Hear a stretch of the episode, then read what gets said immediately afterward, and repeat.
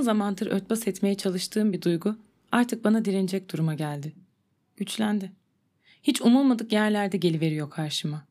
Gazete okurken, kızı yıkarken, koyu uykularım karabasana dönüşürken, yolda yürürken, kendimi kahkahalarla gülerken yakaladığımda. Şu. Biz, seninle ben, birbirimize benzediğimiz, uyuduğumuz için evlenmiştik. Ama uzun süredir ayrıyız. Sen orada, ben burada. Ekmeğimiz, suyumuz ayrı.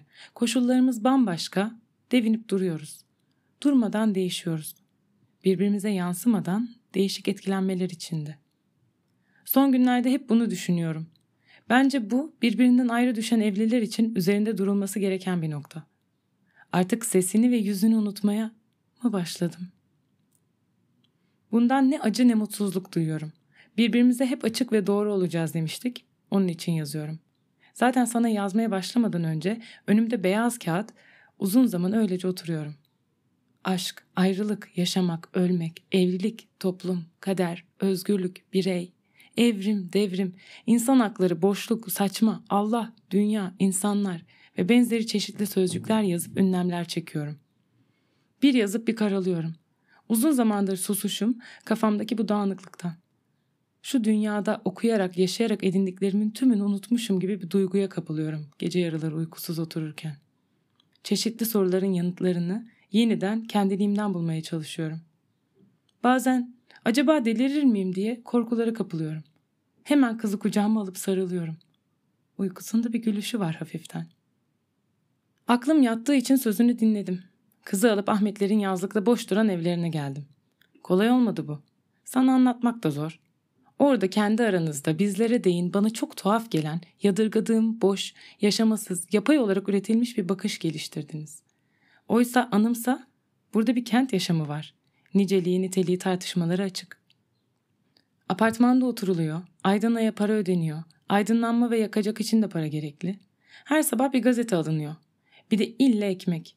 Çocuğa özellikle süt, yağ, yumurta. İkimize belli bir oranda et, sebze ve meyve gerekli. Bunlar da çarşıdan parayla alınıyor. Unutmuş olamazsın.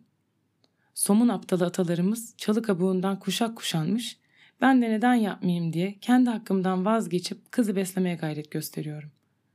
Elim yüzüm yaprak açıyor bu yüzden. Bu arada bazı insanların her gün et alabilmesine çok şaşıyorum. Ben alamıyorum. Neredeyse binde bir. Kız da Allah'tan sadece köfte seviyor. Kıyma ucuza geliyor. İçine bol ekmek, soğan, yeşillik, yumurta falan katarak çoğaltabiliyorsun. Neyse ki bazen balık çok ucuzluyor. Sözü toparlarsak bu kent yaşamında belli bir paraya gereksinimim var.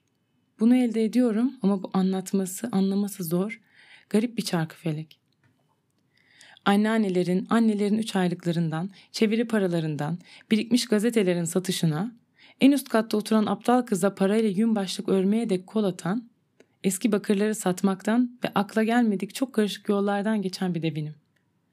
Şimdi yaz evine gelmenin zor oluş nedenlerini otobüs parası denkleştirmekten başlayarak yazlık giysi, deniz için havlu, çocuğa hiç olmazsa plastik bir kova kürek diye başlatmalısın. Karşı çıkışım bu yüzdendi. Bilmeden esip gürleme. Neyse uyduruk bir şeyler. İlk 3-5 gün çok iyiydi. Her şey. Sevindim bile. Denizin kenarında mavilerle yeşillerin menevişlenmesi arasında bir sepet meyve gibi duran bakımlı bir yazlık tatil köyü. Ta uzaklara tek bakabiliyorsun. Deniz yayılıp gidiyor. Havanın içi hep uzak uzak gülüşmeler, küçük çığlıklar seslerle dolu. Önce evi temizledim.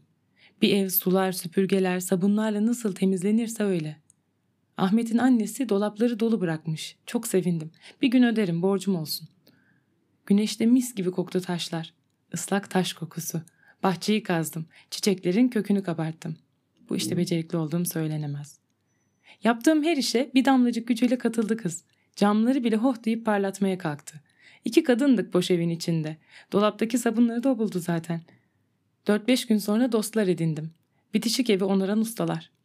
Bana artmış boyalardan verdiler. Merdivenlerle parmaklıkları boyadım. Ali Usta tahtadan bir gemi yaptı. Bunu Barbaros Paşa da görse bayılırdı diye güldü. Gümbür gümbür gülen elli ayaklı bir adam bu Ali Usta. Eskiden balıkçıymış. Hocadım artık diyor.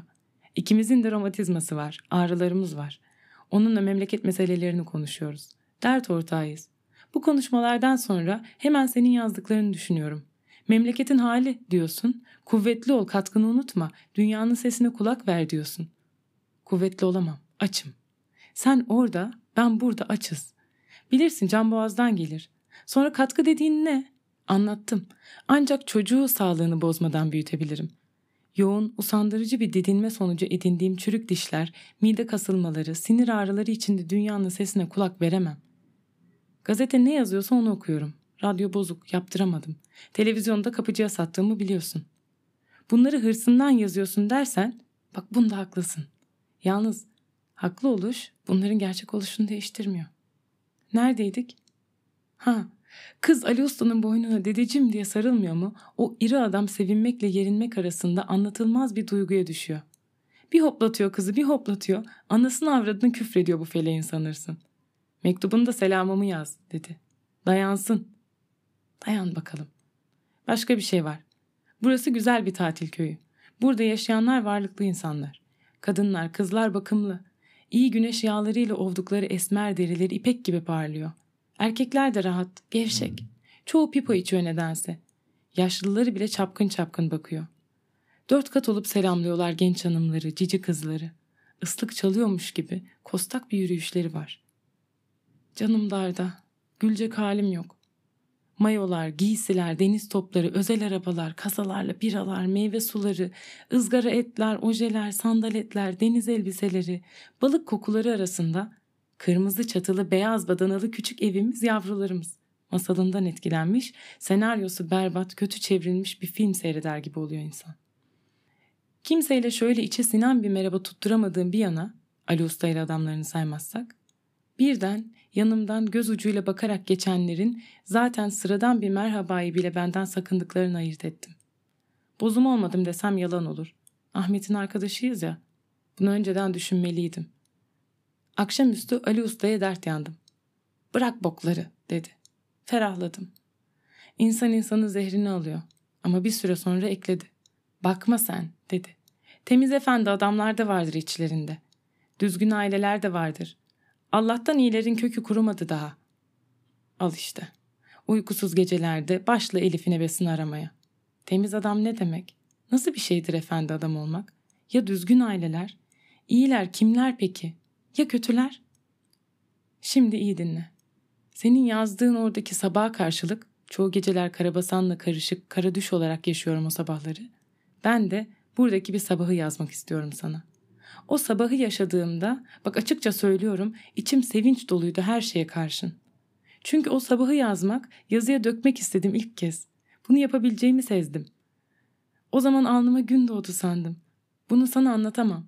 Ama artık yazarak yaşamak istiyorum kendimi gibi bir şey söyleyebilirim. Bizim oralarda dendiği gibi ancak o zaman kara günümü tarayabileceğim. Ağrılarım bile geçebilir. İşte ilk denemem. Seni, arkadaşları öperim.